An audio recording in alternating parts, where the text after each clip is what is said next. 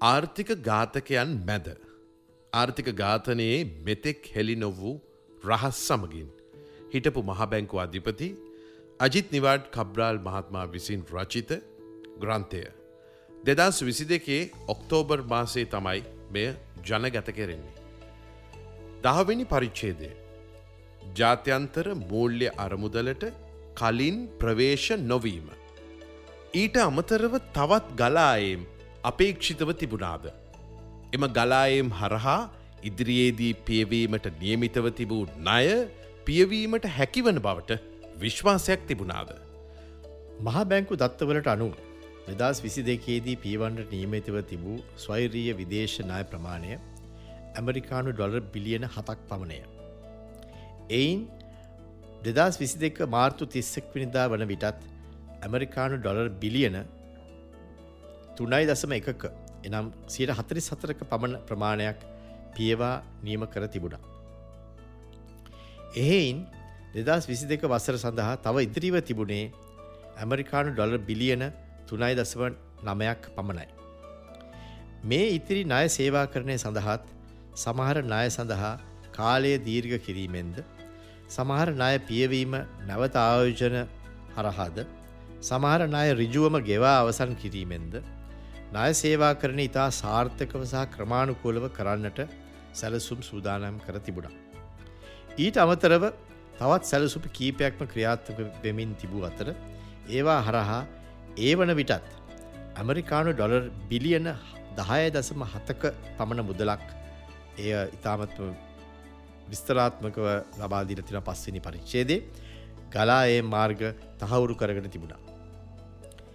ඒ අනුව දෙදස් විසි දෙකෙහි දෙවන කාර්තුවේ ඉන්ද නානයනය සඳහා ඩොලර් බිලියන දස්සම පහක්ත වෙනත් අත්‍යවශ්‍ය ආනයන සඳහා තවත් වෙළඳ නාය වශයෙන් ඇමරිකානු ඩොලර් බිලියන එකක්ද ACU නිෂ්කාශනය කල් දැමීමෙන් තවත් ඇමරිකාන් ඩොලර් බිලියන භාගයක්ද ඉන්දිය රජය විසින් ශ්‍රී ලංකාවට රජයට ලබා දෙන්නට එකඟ වී තිබුණා.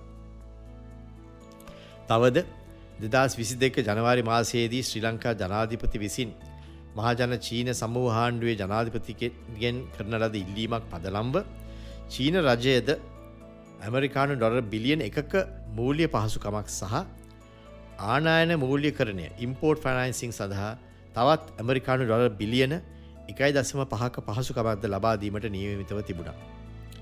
මෙම පහසුකම් නිල වශයෙන් දෙදස් විස් දෙක මාර්තු විසියෙක් පෙන් දින ශ්‍රී ලංකාවේ චීන තානාපතිවරයා විසින්ද දෙදස් විසි දෙක අප්‍රේ දෝස්වනි දින චීනයේ ශ්‍රී ලංකා තානාපතිවරයා විසින්ද ප්‍රකාශයට පත් කර තිබුණා ඒව පිළිබඳව රෙෆරන්සස් මයිතා පැහැදිලිව පොතේ ලබාදීල තිබෙනවා.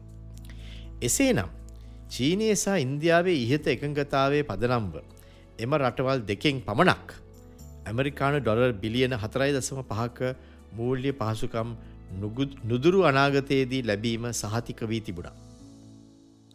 එපමණක් නොව වෙස්ට්කෝස් පවර් සමාගමෙහි බහන්්ඩාගරය සතු කොටස් විකිනීමෙන් ඇමරිකානු ඩොලර් මිලියන දෙසිය පණහක්ද හිල්ටන්ස අනෙකුත් හෝටල් ව්‍යාපෘති විකිනීමෙන් ඇමරිකානු ඩොලර් මිලියන පන්සියක පමණ මුදලක්ද ඉදිරි මාස නමය තුළදී ඇමරිකාන් ඩොලර් මිලියන නමසයක පමණ සංචාරක ගලායම්ද සැලසුම් කර තිබූ හරිත්ත බැඳුම් කර දෙකෙන් එකක් නිකුත් කිරීම හරහා තවත් ඇමරිකානු ඩොලර් බිලියන එකක්ද හරහා තවත් ඇමරිකානු ඩොලර් මිලියන දෙදස් හයසිය පණහක් ගලායම් නුදුරු අනාගතයේදීම අපේක්ෂා කෙරුණ.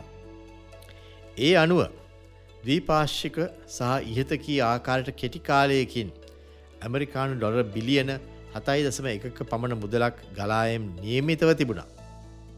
එසේ නම් දෙදස් විසි දෙක මාර්තු මස අවසන් වන විට ඊට පෙර ලැබුණු ඇමරිකාන් ඩොර බිලියන පහක ලැබීම් වලට අමතරව ඉහත විස්තර ඇති කර ඇති පරිදි ඇමරිකානු ඩොරර් බිලියන හතයි දසම එකක විශ්වාසනීය කැපවීම් සැලකිල්ලට ගත්විට ජාත්‍යන්ත්‍ර මූල්‍ය අරමුදලේ වැඩසටහනක් කරහා රිජුව හෝ වක්‍රව ප්‍රවේශවී හැකි අරමුදල් වලට වඩා බෙහෙවින් වැඩි මුදලක් බෙහෙවින් වැඩි මුදල් ප්‍රමාණයක් ලබා ගැනීමට රජය සහ මහබැංකුවට හැකිව තිබූ බව පැහැදිලි වෙනවා. ඉහත සඳහන් කළ පාලම් මූල්‍ය කරණය බ්‍රිජිං ෆිනන්ස් සහ අනිකුත් විදේශ විනිමය ගලායම් එවකට දේශපාලඥයන් සහ බලධාරීන් විසින් උනන්දුවෙන් සැකසුම් කරන ලද ඒවාය. එසේ නොකර එවකට බලධාරීන් ජාත්‍යන්ත්‍ර මූල්‍ය අරමුදලේ වැඩසටහනක් කෙරෙහි පමණක් සියලු බලාපොරොත්තු තවා සිටිය නම් විධ පාර්ශ්වයන්ගෙන් ශ්‍රී ලංකාවට ලැබුණු දවිපාර්ශික අරමුදල් හෝ බ්‍රිජිං ෆිනන්ස් කිසිවක්ත නොලැබෙනු ස්තීරයි. එපමණක් නොව අද සිදුවෙන්නාසේ සාම්ප්‍රදායික මූල්‍ය ප්‍රභවයන් සහ අනෙකුත් සංවර්ධන හවුල්කරුවන් ශ්‍රී ලංකාවට අරමුදල් සැපීමට පෙර ජාත්‍යන්ත්‍ර මුල් අරමුදල සාකච්ඡා ප්‍රතිඵලය තහවුරු වනතෙක් බලා සිටින බවත් නියතයි. එසේ වුවනම් දැනටමත් ලබාගන්නට සමත් වූ ඇමරිකාන් ඩොල බිලියන පහක්ද නොලැබීමේ හේතුවෙන් අද වන විට රට තුළ උද්ගත වන්නට තිබූ අවුල් සහ කැලවීම් සිතාගත නොහැකි තරම් දරුණු වෙමින් ශ්‍රී ලංකාවේ ආර්ථික තත්ත්වය දෙදස් විසි එක මුල් සිටම අතිශයෙන් බරපතර තත්ත්වයකට පිවිසෙන්න්නට දීර තිබුණා.